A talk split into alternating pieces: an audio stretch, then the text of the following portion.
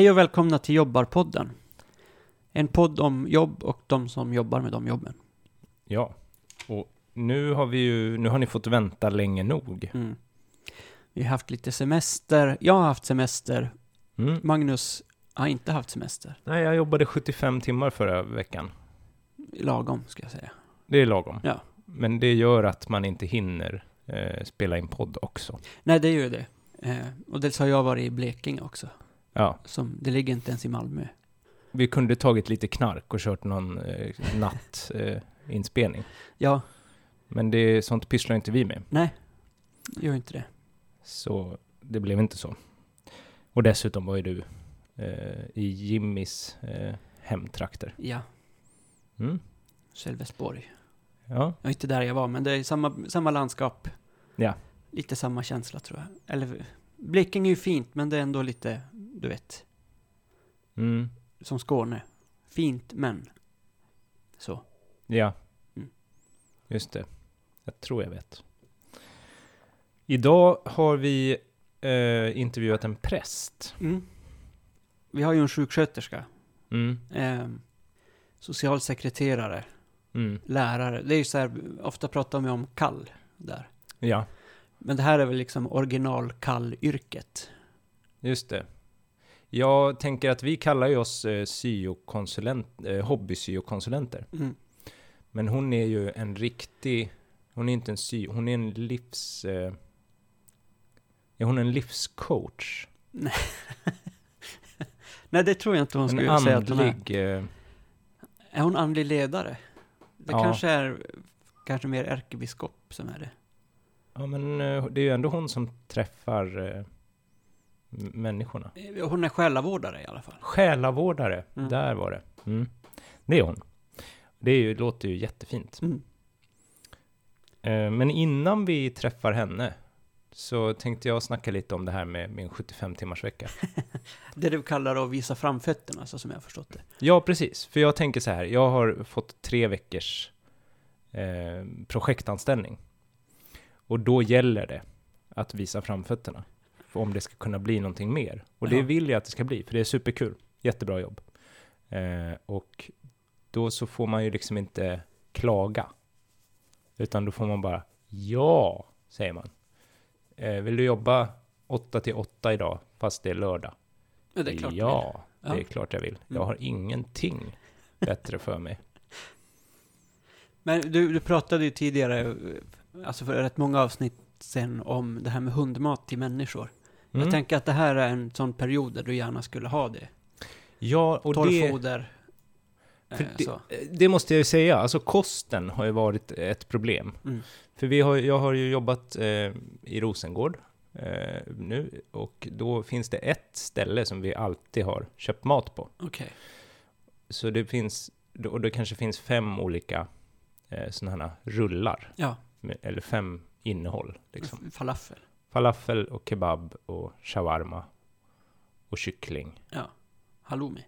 Nej, de har inte halloumi. Eh, och sen kan man käka cevapi. Just det, det, jag vet inte riktigt vad det är, men Ja, men det är som Balkan kebab. det är kebab men från Balkan. Mm. Okej. Supergott. Ja. Alla de är jättegoda. Mm. Fast man vill gärna ha någonting annat. Precis som alla maträtter. Så vill man kanske ha något annat ibland. Så jag har längtat efter så här sallad, typ. Ja, här kommer det in det här.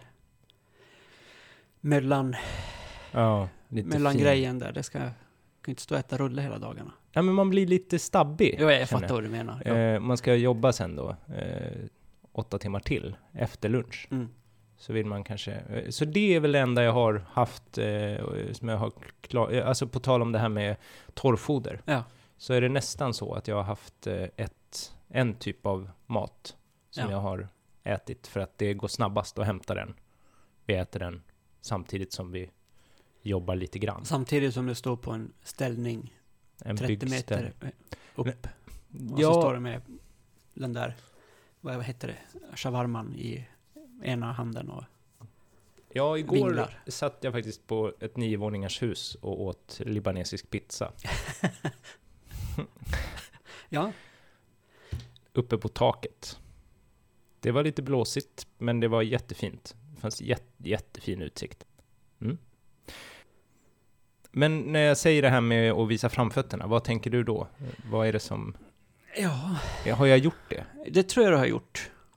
Ehm, jag har ju också fått visa framfötterna sådär eh, innan jag blev anställd.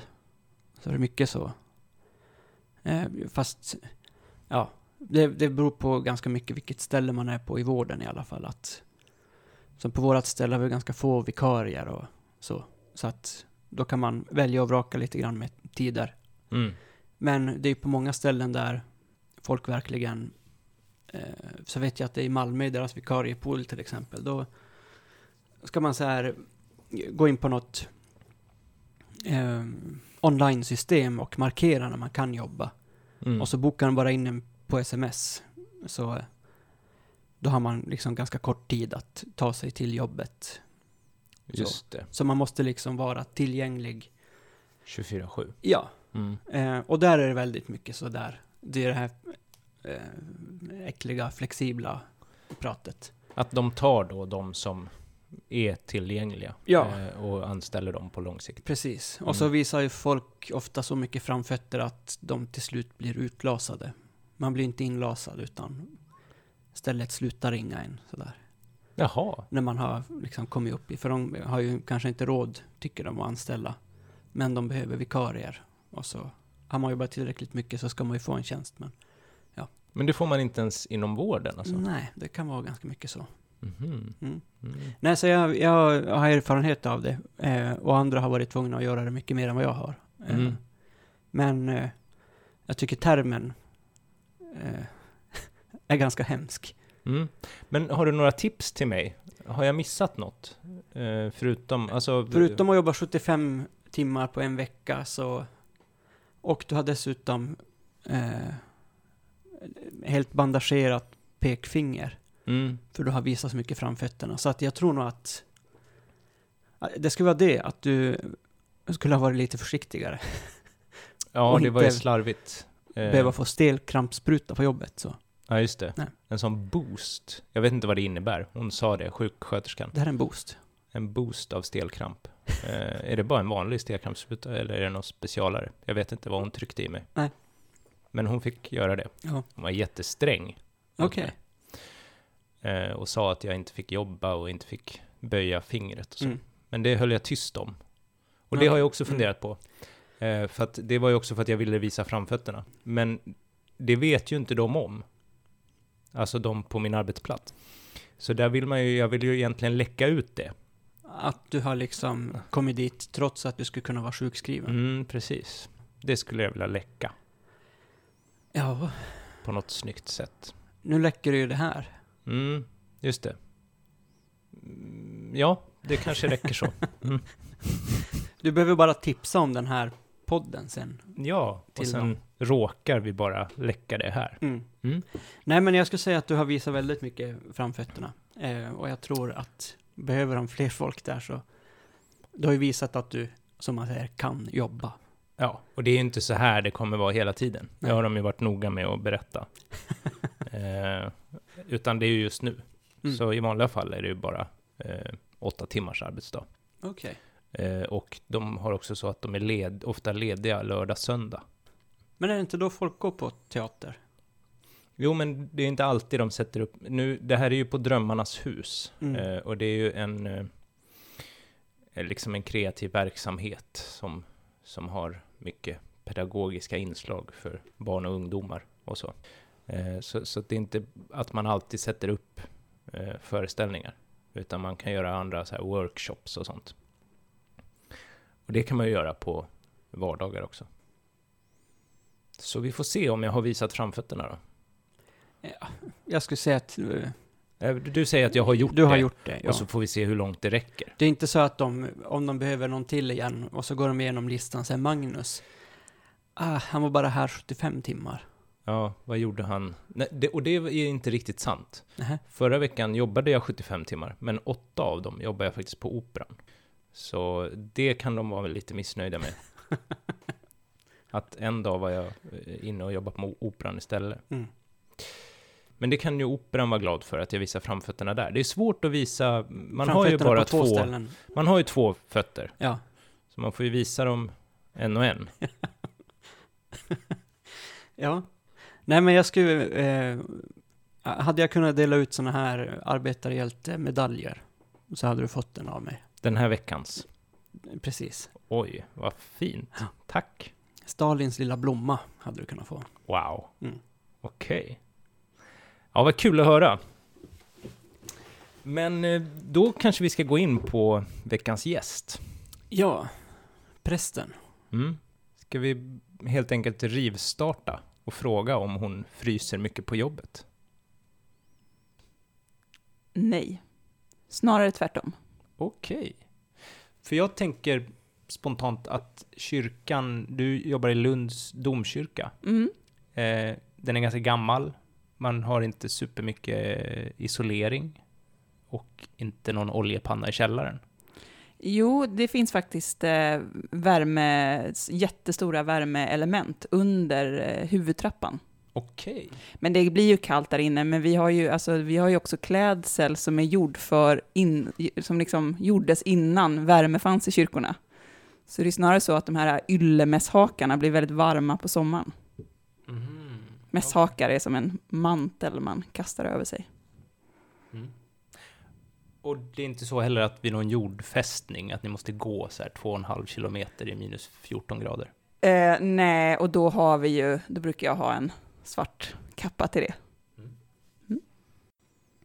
Det verkar ju inte så kallt då. Nej, inte om man har den här yllemanteln. Nej. Men Jag, jag vet inte vad, vad det, det här går, vad var det? två och en halv kilometer Ja, eh, på jordfästnings... jag ser framför mig den här Karl den XIIs, eller vem det nu var, likfärd från Norge. Mm. När han ligger död och så blir han buren. Men det är inte så det ser ut ofta. Nej, det är väl inte det. Nej. Eh, och jag vet inte, det vanliga kanske är att man har jordfästingen, fästningen i, i eh, efteråt. Eh, alltså man har... Eh, Ja, man åker sen från kyrkan till... Precis. För de, där i Lunds domkyrka har de ju ingen De ingen, gravplats liksom mitt i där va? Nej, precis. Det är kanske bara några så här eh, Kryptan där. biskopar. Ja. Ja. ja. Nej, men det är ju... Jag tycker att det ändå verkar rätt bra. På, det, på den punkten? På den Man punkten, kan inte ja. frysa så mycket? Nej. Mm. Och sen så undrar vi då om eh, hon måste hantera avföring. Ja, eller andra kroppsvätskor. Eh, inte mer än eh, tårar. Ja, det verkar ju rätt rent där. Ja, Mm. tårar är, är ju jobbiga. jo, men eh, de grisar ju inte ner så. Precis, de luktar inte. Men något jag tänkte på som jag hade förväntat mig som svar så, är att nattvarden Mm. där, Mm, är ju mm. Kristi blod. Det är ju Just också en ganska tydlig kroppsvätska. Just det. Eh, Så det är ju vin som är välsignat Precis. och föreställer Kristi blod. Det blir Kristi blod. Det blir Kristi blod? Ja. Ja, okej. Ja. Men det kan ju också, det är ju ofta då, det är ju inte kanske som eh, polisen som vi intervjuade sist eller så. Eh, det är ju lite mer ordnat. Ja, Så. och jag tänker Man behöver inte att... halka runt Nej, i, och det vanliga kanske är att man ser det som en symbol. ja. Eh, Att man fortfarande ser det som vin. Mm, jag tror, ja, det kanske man gör. Det vet vi inte. Nej, Men jag ser det som, du ser det som vin. ja, Ja. och en symbol. Ja. Mm. Hur är det med stressen då?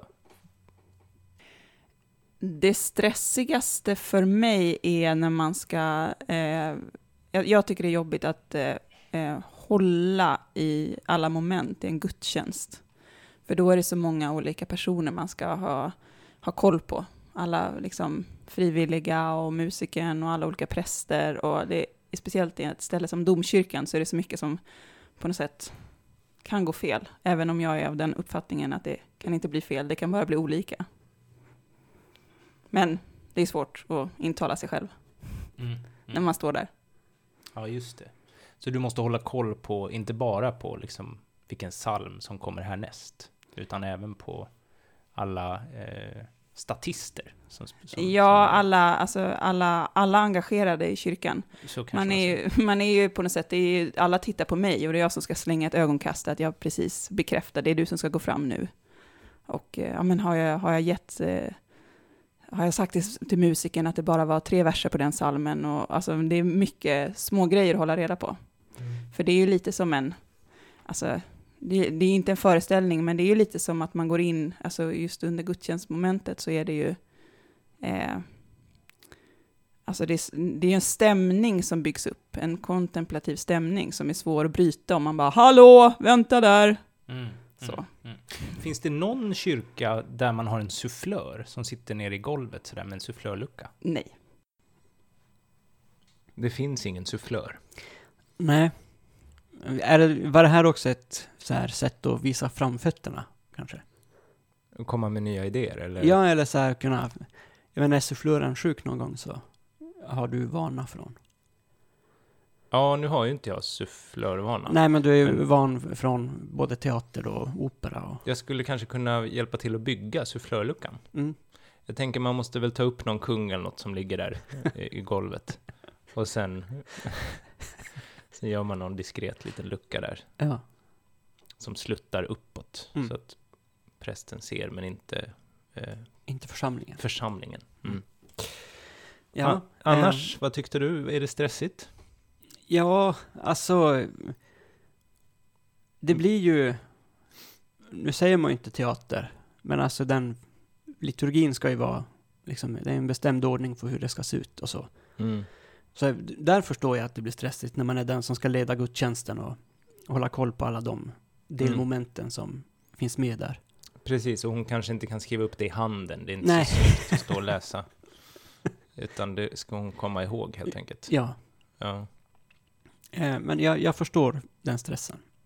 Framförallt när man har så många frivilliga då som är med.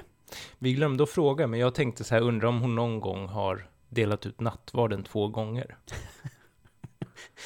Att det blir lite grann som, har jag gett mediciner och så får man springa och kolla.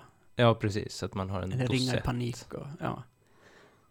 Ja, nej men jag, jag tror nog att det är nog lite tydligare där tror jag faktiskt. Hon vet, efter det kommer det. Ja, Alltså, för den ser ju ganska ofta likadan ut. Eh, får jag för mig.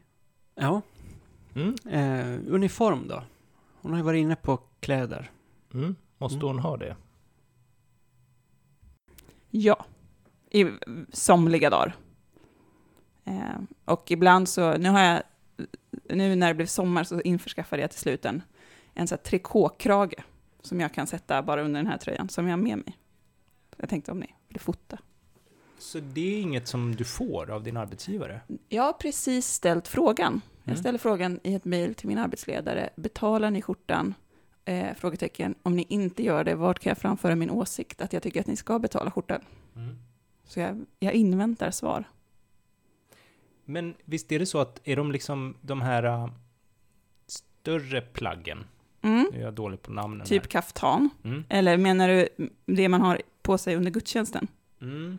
Just det. Ja, det, det finns ju i kyrkan. Det är ingenting som jag måste ha. Men är det skräddarsytt för dig? Finns det en Lisa, eh, en, en, eh, en sån som Mm. är specifik för dig med dina mått? Ja, Mm. det finns det. Och oftast så är det ju bara att det finns typ en stor, en mellan och en liten. Och jag som är 1,64 har oftast den lilla. För det handlar bara om längd.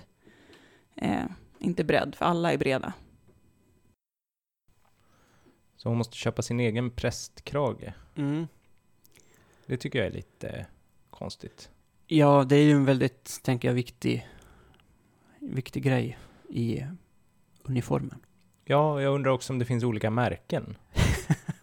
Eller om det bara är en som gör, tillverkar dem. Ja, Finns det liksom en, är det en öppen marknad? ja jag vet inte. Eh, man får ju i alla fall göra sådana här fake prästkläder. Buttericks till exempel lever ju en del på det.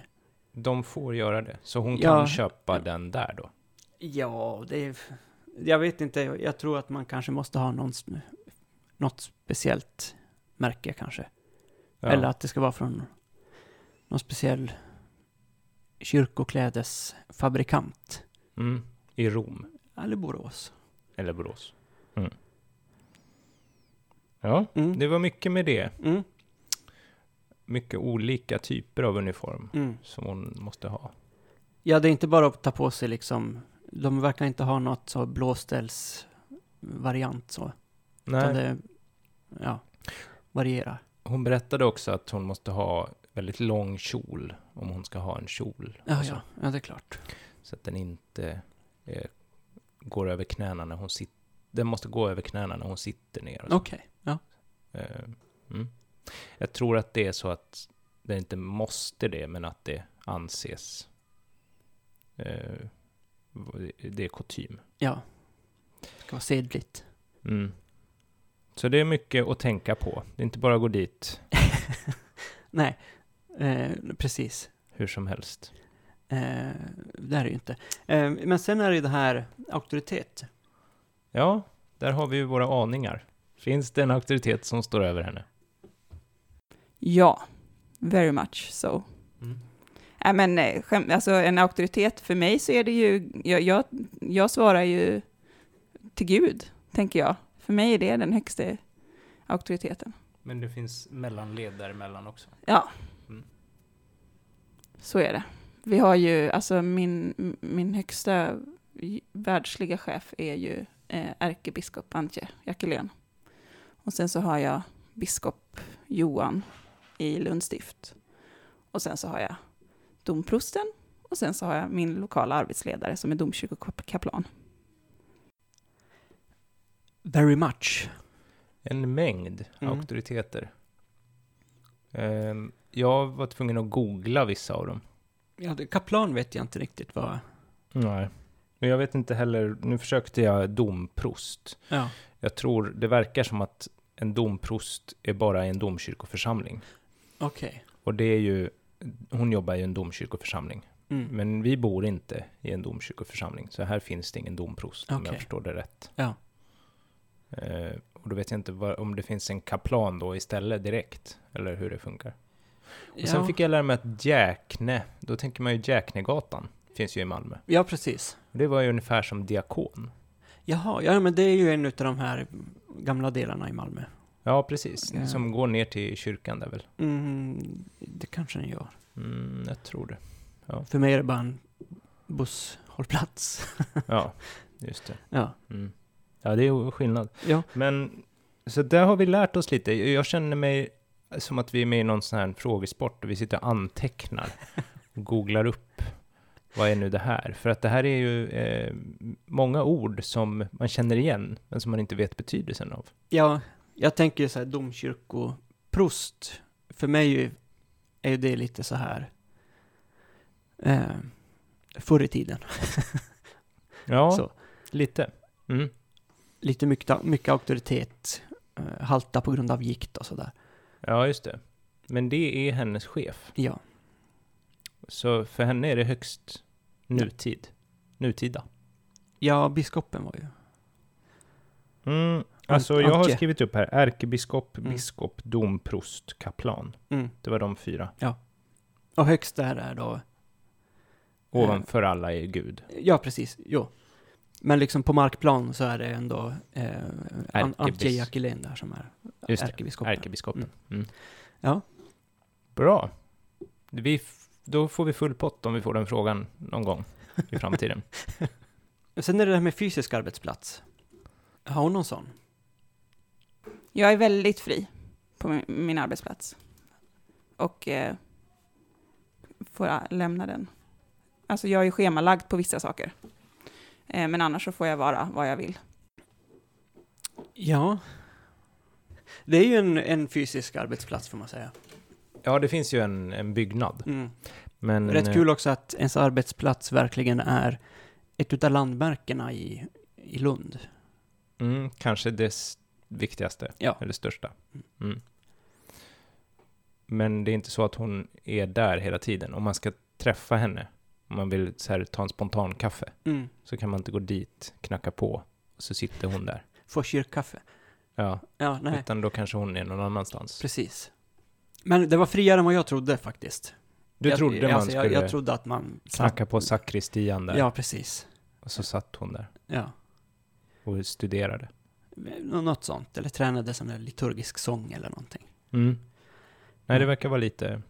Det, hon kan träna den hemma. Ja. Och då är det... Är Byta jobb. det byta jobb nu, ja. Mm. Vill hon byta jobb och, och i så fall till vilket då? Eh, just nu tycker jag att jag har eh, det bästa jobb jag kan ha. Jag trivs otroligt bra på mitt jobb. Inget snack. Nej. Hon vill inte bli polis eller socialsekreterare. Eh, det verkar inte så. Hon har hittat hem. Ja.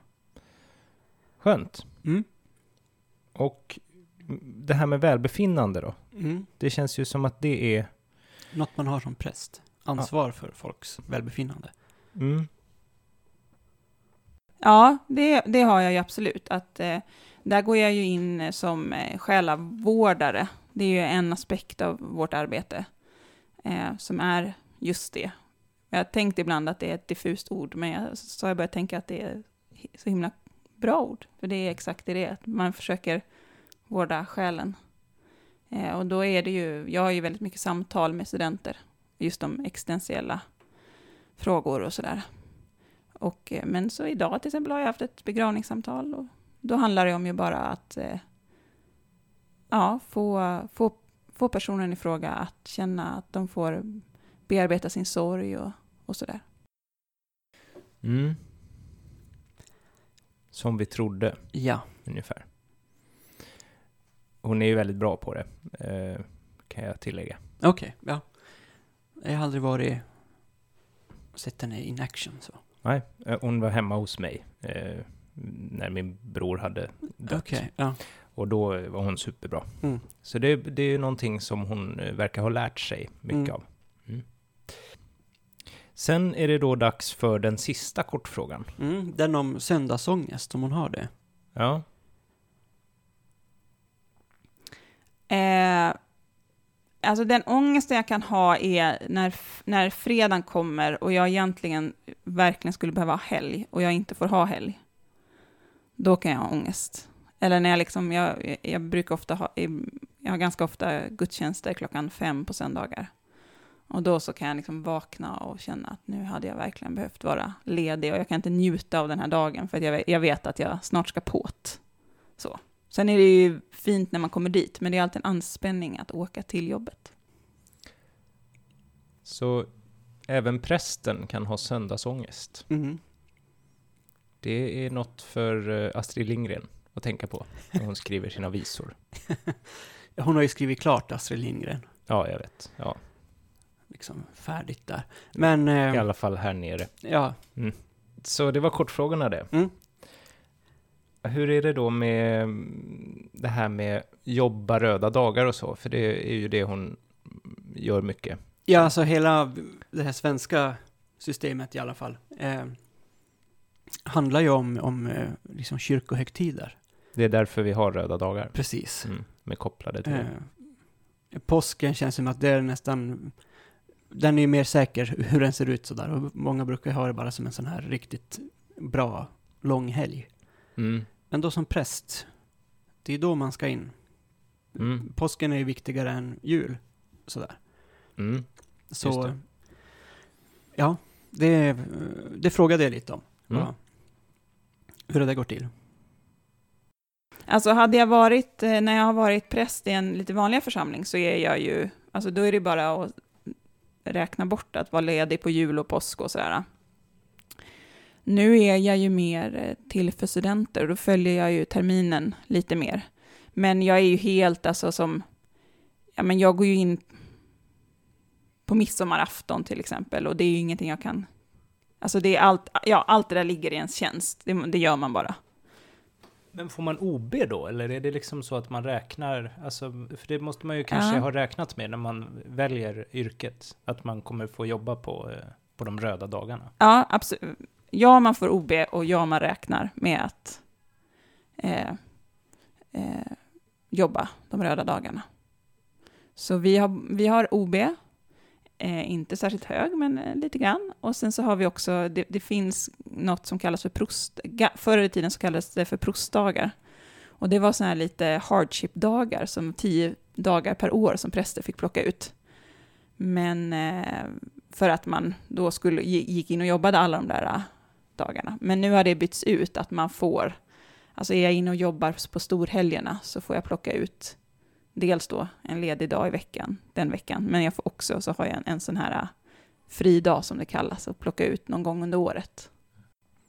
Vilket fackförbund, va? Vilka förhandlare. Ja. De får alltså en dag ledigt, Mm. eh, plus en dag till, Som man kan ta ut. plus OB. Ja. Så de får mer än 100% OB, kan man säga. Ja. Fast i tid. Det är liksom det enda som jag varit avundsjuk på så här, folk som är under Handels. Du vet att på söndagar får de så här eh, 100% OB. Mm.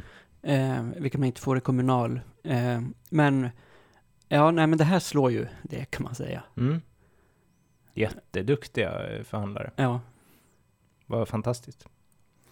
Kul för henne eh, och för alla präster. Ja. För, för så där ser det ju inte riktigt ut. Jag vet han, eh, väktaren som vi intervjuade här för några vecka sedan. Mm. Jag vet att de har väldigt låg OB även för nattjobb och sådär. Eller haft tidigare i alla fall. Och då är det liksom från arbetsgivarens håll sådär att, ja men vadå, ni är ju väktare, när fan tror ni ni ska jobba annat än på natten? Mm. Vilket ju, ja. Jag tänkte att det skulle vara lite tydligare här, att ja men du har ju ändå kallet, vad, vad står du och tjafsar om en söndag här? Mm. Ehm, men jag är imponerad av prästfacket. Mm. Jätteduktiga. Ja. Eh, på tal om eh, prästfack och sånt, så kom vi ju in på det här med andra eh, religioner eh, och andra församlingsledare i de andra stora religionerna som Mm. vi har. Eh, hur är det? Har, har man ett samarbete däremellan och ser man varandra som kollegor? Ja, vi lyssnar på det. Jo, men det har vi och, och jag har det nog eh, eh, det i synnerhet för att vi, alltså jag har alltid eh, dragits åt det mångreligiösa samarbetet. Så vi har precis startat ett multi-faith chaplaincy som det heter, där vi har gått in i ett samarbetsavtal med just eh, eh en imam och en rabbin och en dharma-master från buddhismen och olika eh, kristna grenar. Så, så det, och det känns jättekul att liksom ha blivit kollega med, med Ali till exempel, som är eh, imamen i moskén i Lund. Eh, och att det, eh, det, det känns verkligen så när, när jag kommer dit, att, det, att vi sitter som två kollegor och pratar.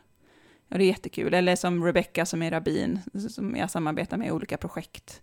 Där det också är, och jag skrattar alltid för det, jag tänker alltid när vi ska göra saker, så det här är precis som början på en rolig historia. En a rabbi and a priest.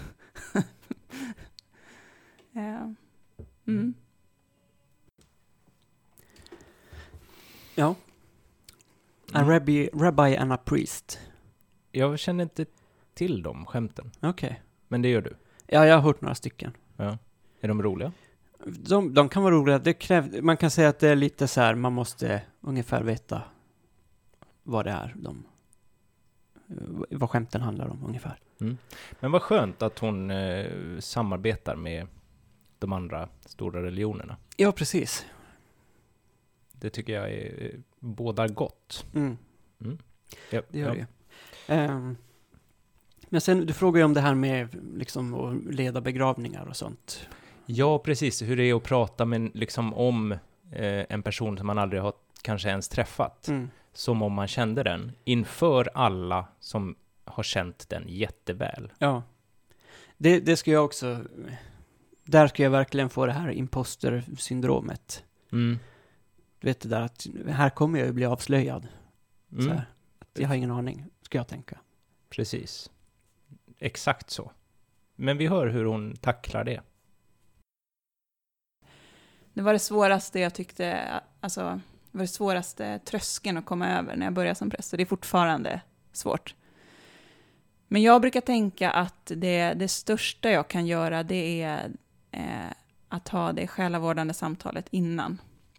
Eh, och sen sen försöker jag tala, alltså jag, då och då, i det samtalet så ber jag ofta eh, den anhöriga berätta det de vill. Och så är jag alltid väldigt noga med att jag kommer inte liksom, citera dig på det här. Men eh, jag, alltså mitt uppdrag under en begravning är ju att ge, sätta, sätta ord på, på sorgen och dödens oundvikliga faktum på något sätt. Att benämna det som vi alla sitter och tänker på. Eh, men sen också eh, ge någon slags strimma av hopp. Eh, och, och, i det så brukar jag kanske ägna en fjärdedel åt lite personliga saker. Och då formulerar jag liksom, ja, men jag, eh, jag har fått höra att eh, eh, Kalle var en väldigt närvarande och varm person som tyckte om tåg och alltså jag försöker lägga in lite grann, men det, det är väldigt alltså på ytan. Eh, men att jag snarare försöker plocka ut ord som de har sagt. Ja, men han, han, var, en, alltså, han var en sån fin morfar. Mm. Och då kanske det jag säger. Det var som, vi, som jag trodde lite. Mm, att man eh, får eh, lyssna av mm. och försöka plocka lite grejer som man kan prata kring. Ja. Så att det ändå blir lite personligt. Men inte privat kanske. Precis. Um, jag vet, jag har eh, egentligen bara varit så här på en begravning, eller i och för sig min, eh, mina farföräldrar dog också. Eh, men det var rätt länge sedan så, där, så att jag kommer inte riktigt ihåg det. Men när morsan dog, mm. då var det så här borgerlig begravning. Mm. Eh, och då, var, han var också jävligt bra tycker jag, han som höll i det där. Okej. Okay. Det kändes liksom väldigt eh, värdigt alltihop. Ja, alltså jag var ju på min brors begravning mm. eh, och då blev jag jättemissnöjd med hur han pratade. Eh, okay. För han hade ju aldrig träffat min brorsa. Var det präst eller var det eh, borgerlig begravning? Nej, det var en präst. Okej. Okay. Ja. Så det var eh, massa svammel tyckte jag bara. jag minns inte alls Nej. vad han sa. Eh, jag blev till och med osäker nu på om det var en han eller hon. Men okay. jag tror det var en han. Jag var i chocktillstånd. Ja. Eh, och jag blev jättesur för att eh, tyckte det var så genomskinligt mm. att han aldrig hade träffat min brorsa. Eh, så han hade kanske inte gjort det här eh, researcharbetet så noggrant Nej. som eh, våran gäst skulle ha gjort. Nej, precis. Mm. Men sen frågar jag det här, just be begravning och eh, ja, men andra kriser så. Ja. Måste man ju, det är där den här själavårdande aspekten kommer in. Eh, och jag tänker att det måste vara rätt tungt. För man är ju ändå den som, man ska ju leverera på något sätt där. Och det skulle jag tycka är rätt jobbigt så. Mm. Men, eh, ja. Så jag, jag, frågade om det, vad, vad hon tycker om det. Hur, hur svårt det är. Mm. Nej, ja, det kan bli tungt och jag tänker på, alltså det, det finns säkert, eh, ja men som min man är diakon på sjukhuset, alltså där möter han ju väldigt mycket hårda saker. Och, och så, så, det är nog också liksom lite vilket yrke man har. Jag, eh, det, jag låt oss säga att jag kanske, kanske en gång om dagen så sitter något, någon på mitt kontor och gråter i, i rum. Liksom. Alltså det, ja, så det är klart att det är tunga grejer. Men man lär sig ofta eh, att det är snarare så att man, man går in eh, och så går jag in och så har jag supernärvaro. Och så går jag ut och så kan det nästan vara så här, ibland så kan jag tänka att det kan nästan vara, om de hade vetat hur snabbt jag släpper det, hade det nästan varit förolämpande.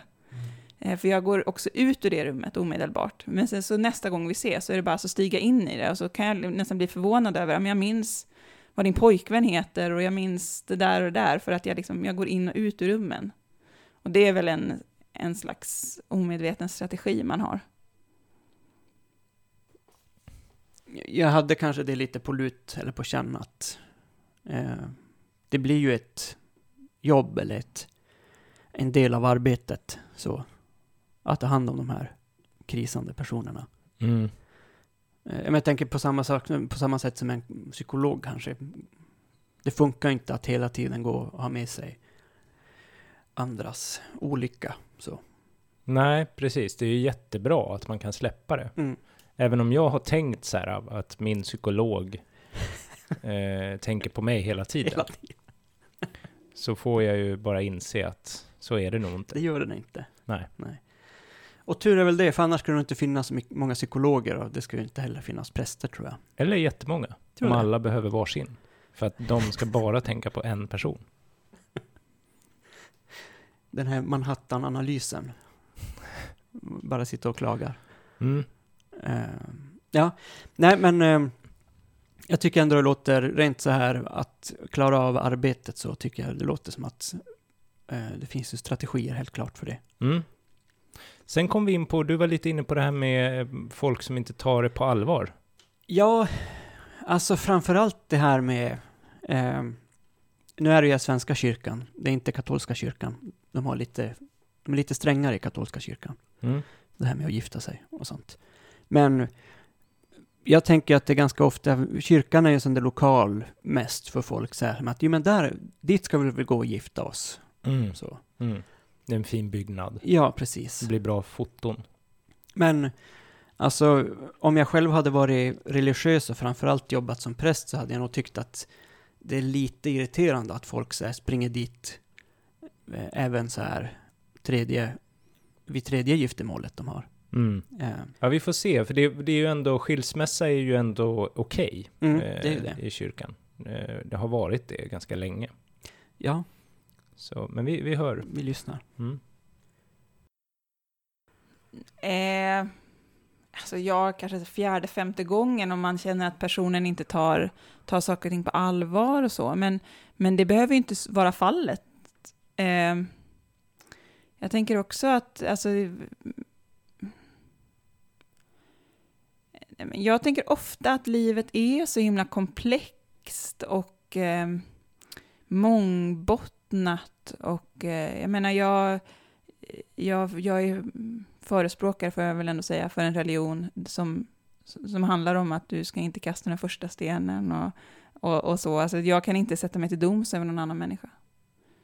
Och, eh, och, och det finns ju massa, men samtidigt är jag ju hela tiden, alltså det, jag kan ju inte vara slätstruken så, jag måste ju hela tiden på något sätt eh, gå, gå in i mig själv och gå till, liksom, eh, till teologin och se så här, vad, ja, men vad är det vi står för, och då är det ju att titta till exempel på äktenskapet, det är ju inget, alltså eh, vigseln är ju faktiskt inget sakrament, vi har ju bara två sakrament i den protestantiska kyrkan, och det är ju nattvarden och dopet. Alltså vigseln är ju en, en ganska praktisk företeelse som kom ganska sent i, i kyrkliga historien. Så det är ju inte den som är helig, det är ju kärleken som är helig. Och jag menar, kärleken kan väl uppstå gång på gång på gång. Vi ska inte stänga in kärleken. Ja, nej men... Det var kanske det svar jag hade väntat mig från Svenska kyrkan. Mm. De är ju som tur är tillåtande. Ja, Ehm, men fjärde, femte gången. då börjar det brännas lite. Men inte så att det liksom blir några åtgärder. Nej, no, och jag, jag hade ju faktiskt inte koll heller på att giftermålet inte är ett sakrament. Nej, Så det... hade inte jag heller. Och sen, jag menar, det är... Mina fantasier om hur det funkar är ju... Det är ju inte... Som icke-religiös så vet jag inte vad jag ska riktigt där in och klampa. De får göra hur de vill. Ja. Ehm, mm, Vad bra. Då låter vi dem göra så. ja. Eh, men jag var ju tvungen då, som också icke-religiös, Mm, eh, att fråga om det går att fuska sig in här. just det. Eh, det är ju min eh, käpphäst lite. Eftersom jag inte har något CSN kvar sådär. Om Ja. jag skulle vilja byta bana. Mm. Hur skulle det gå till? Eh, kan jag det? Kan jag bli präst? Och kan en imam lättare än mig bli präst? För den är ju redan en, en eh, andlig eh, ledare, eller Andlig företrädare. andlig företrädare. Det, det är ganska hårt att bli präst. Alltså det är ganska så rigida ramar eh, som är jättesvåra att eh, förhandla. Även om man har goda skäl och så här. Så är det verkligen så här, man ska ha sin, eh, sina fyra år på universitetet alltså det, och, och eh, man ska ha sina tre terminer eh, inom eh, eh, det som förr hette pastoralinstitutet och man ska ha sitt år på folkhögskola och man ska ha gjort sin praktik och man ska ha blivit godkänd av stiftet och antagen och gått upp för prästexamen. Och, så det är ganska eh, strikta ramar. Och det är ju liksom lite av det handlar ju om att vi så, och en imam hade nog haft svår, alltså du hade nog haft lättare än en imam om du hade velat bli präst, tänker jag. För eh, det är klart att man är, alltså, just när man, att byta religion, då blir man nog ganska skärskådad, tror jag. Mhm. Så då kan det vara så att imamen går prästutbildningen, eller läser på universitetet, för då behöver man ju inte på något sätt visa. Ja, man kan ju Så- läsa alla poäng på universitetet. Men blir man sen då på något sätt förhörd i... Menar eh, du för mig?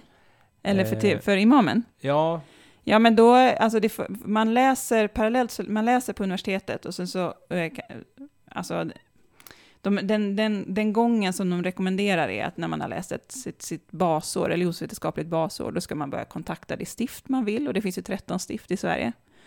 Och då finns det en rekryterare som pratar om att ja, men det är bra om du har följt en konfirmandgrupp, och det är bra om du har gjort det här och det här, bla bla bla.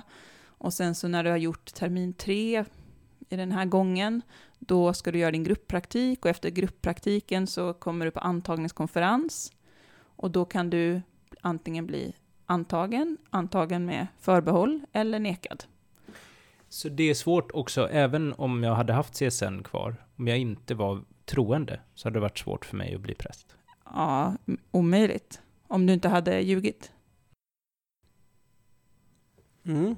Det verkar svårt att fuska sig in i Guds hus. Ja, jag, jag tror inte du, då kommer jag nog inte lyckas där.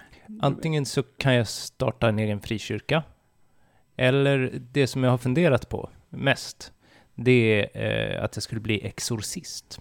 Jaha, just det. Det är Aftonbladet plus som Mm, du har... de har skrivit om det. Ja. Eh, det verkar ju spännande. Mm. Och då, men jag, de, då behöver man inte vara präst. Eh, så, som jag har förstått det. Då behöver man bara vara lite tokig, eller? Ja, alltså man, man, Man, behöver bara tro på exorcism. som med alla andra jobb, man måste ju tro på det man gör. Men då tänkte du så här, fake it till you make it-grejen där, att du... Eller ska du börja tro på exorcismkrafter och sånt? Alltså det är ju spännande i den artikeln jag läste, att han trodde ju på det jättemycket. Eh, och han sa att det var ungefär som i filmen, Exorcisten. Mm. Så det, det, man kan se den om man vill se en dokumentär om exorcism. Precis. Han liksom, Max von Sydow, ungefär så jobbar man. Okej. Och det kan ju, det verkar ju vara lite jobbigt. I den filmen har han ju det tufft. Eh, Ja, det är ganska stressigt och... Mm, och det är långa arbetspass. Mm.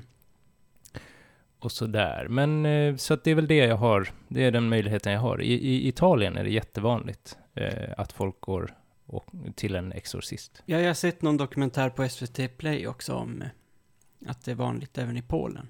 Mm. Det är Eh. katolska länder, både Italien och Polen. Ja, Mm.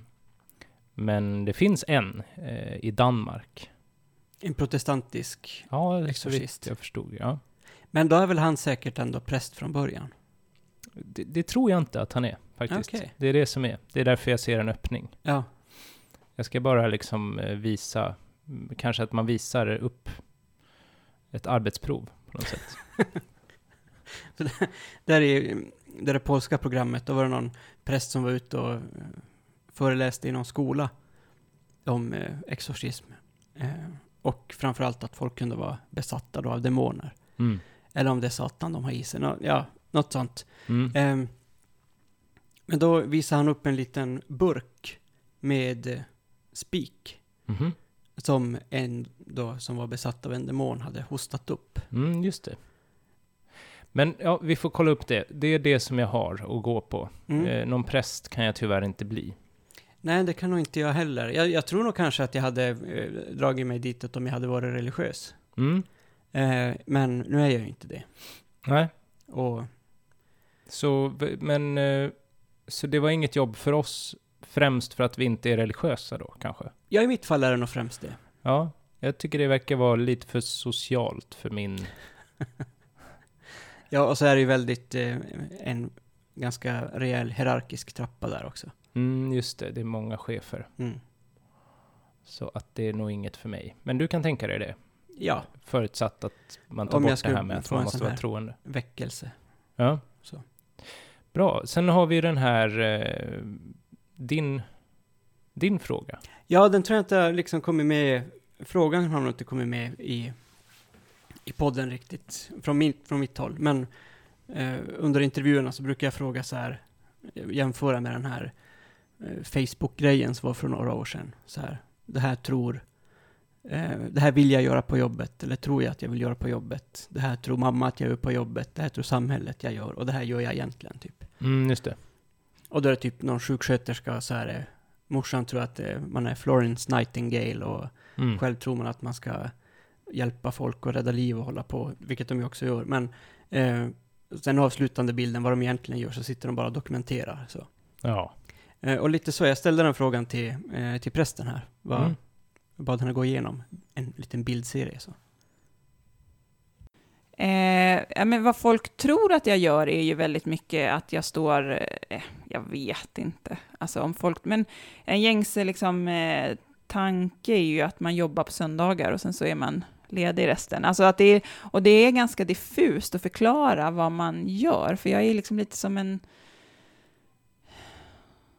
jag vet knappt själv vad jag gör, men jag jobbar ganska mycket. jag, jag är ganska mycket projektledare och eh, har väldigt mycket samtal och eh, jag ska också producera ganska mycket text, så här, tankvärda saker till olika sammanhang eh, och så. Jag, jag tycker snarare så här, så här, förr i tiden så var det den här fördomen som man mötte tror jag, att bara, ja ni jobbar ju bara, vår, vår prost är rund som en ost och jobbar bara på söndagar, och så le, liksom latar han sig hela veckan som Alfred sjunger i den där fina sången. Men nu för tiden är, är folk så blanka inför religion. De är så här, präst, vad är det ens? Så här spännande, kristendom, jaha, berätta. Alltså vi har gått hela varvet runt nästan. Det möter vi bland studenter väldigt mycket. Det är liksom inte så att folk eh, är ärrad av kyrkan längre, som det har varit innan. Och så bara, jag vill inte veta av det där. Jag, blev så, jag hade sån hemsk konfirmandpräst och så, som kanske har varit tidigare, om man har haft negativt. Men nu är studenterna mer så här, jaha, kyrkan, jaha, är du präst? Vad är det där för plastbit du har där på... Ja. Så det är väldigt, eh, det är nästan så att man har droppat fördomarna. Men eh, när jag, eh, men jag har tänkt mycket på att jag, när jag var liten så ville jag bli skådespelare, psykolog eller lärare. Eller skriva. Och det är ju på något sätt att jag har fått ett yrke som gör allt det där. Eh, Alltså ja, det är ju det är ganska konstnärligt att man får producera en massa, mycket, massa text. Och jag står framför folk. Och jag är som en psykolog. Fast lite bättre, för jag slipper journaler och ta betalt och så. Ja, men jag tänkte kanske alltså, att det också är ett hantverk. Tänker jag är en intressant aspekt. Ehm, att eh, det vi, vi ska ju, förva- alltså det som är nästan det viktigaste är ju vara församlingens eh, böneledare och att vi ska eh, förvalta sakramenten. Så det är också ett slags, det är ju något, jag gör ju någonting med händerna också. Det tycker jag om att tänka. Ja, du, du är ju lite av en hantverkare. Just nu ja. Mm. Ja, Mm. men annars också. Du har ju hållit på att renovera ett hus, bland annat. Mm. Jag har Ja, sett dig det- sätta upp någon dörr här i lägenheten och Mm. Ja, så att, utan att ringa farsan, som jag hade behövt göra, eller någon annan händig. mm. så du tänker att jag därför skulle... Som hantverkare hade du kunnat... Mm. Och vi, det finns ju en historiskt väldigt känd snickare. Ja, ja. Mm. Mm. Just det. Fick vi med det också? Mm. Ja, men eh, vi får se lite om vi döper det här avsnittet till prästen eller den religiösa, eh, vad var det nu? Ledaren var det ju inte. Företrädaren. Företrädaren. Mm. För att jag har lite problem med, eh, med det. Du har problem med präster? eller? Nej, nej, absolut inte. Men jag tänker att, eh, att man kanske behöver täcka in eh, hela eh, det religiösa. Eller tänker du att vi måste, ska vi, måste vi prata med en imam också för att få en, en helhetsbild? Eller- Ja, det är i alla fall två olika titlar. Ja, det är sant. Ehm, så vi kan ju försöka eh, ragga, ragga fast någon Mm. imam. Mm. Ja, okej. Men det var väl det vi hade att bjuda på idag? Mm. Vi kommer inte gå igenom den här utbildningen till präst i alla fall. Nej, vi kommer inte, jag kommer bli nekad direkt. Mm. Ja, det kommer nog jag också bli om, de, om man ska vara ärlig på intervjun. Vilket är ju bra, man ska väl tänka att man ska vara ganska ärlig som Ja, det kanske är jobbigt, kyrkan. jobbigt att ljuga i resten av sitt arbetsliv. Ja. Så, men det var ju väldigt intressant Mm. att höra. Ja. Och eh, våran intervjuperson passade ju alldeles utmärkt som präst, verkar det som. Mm. Återigen, rätt person för rätt yrke. Mm. Bra. Vi letar vidare. Ja.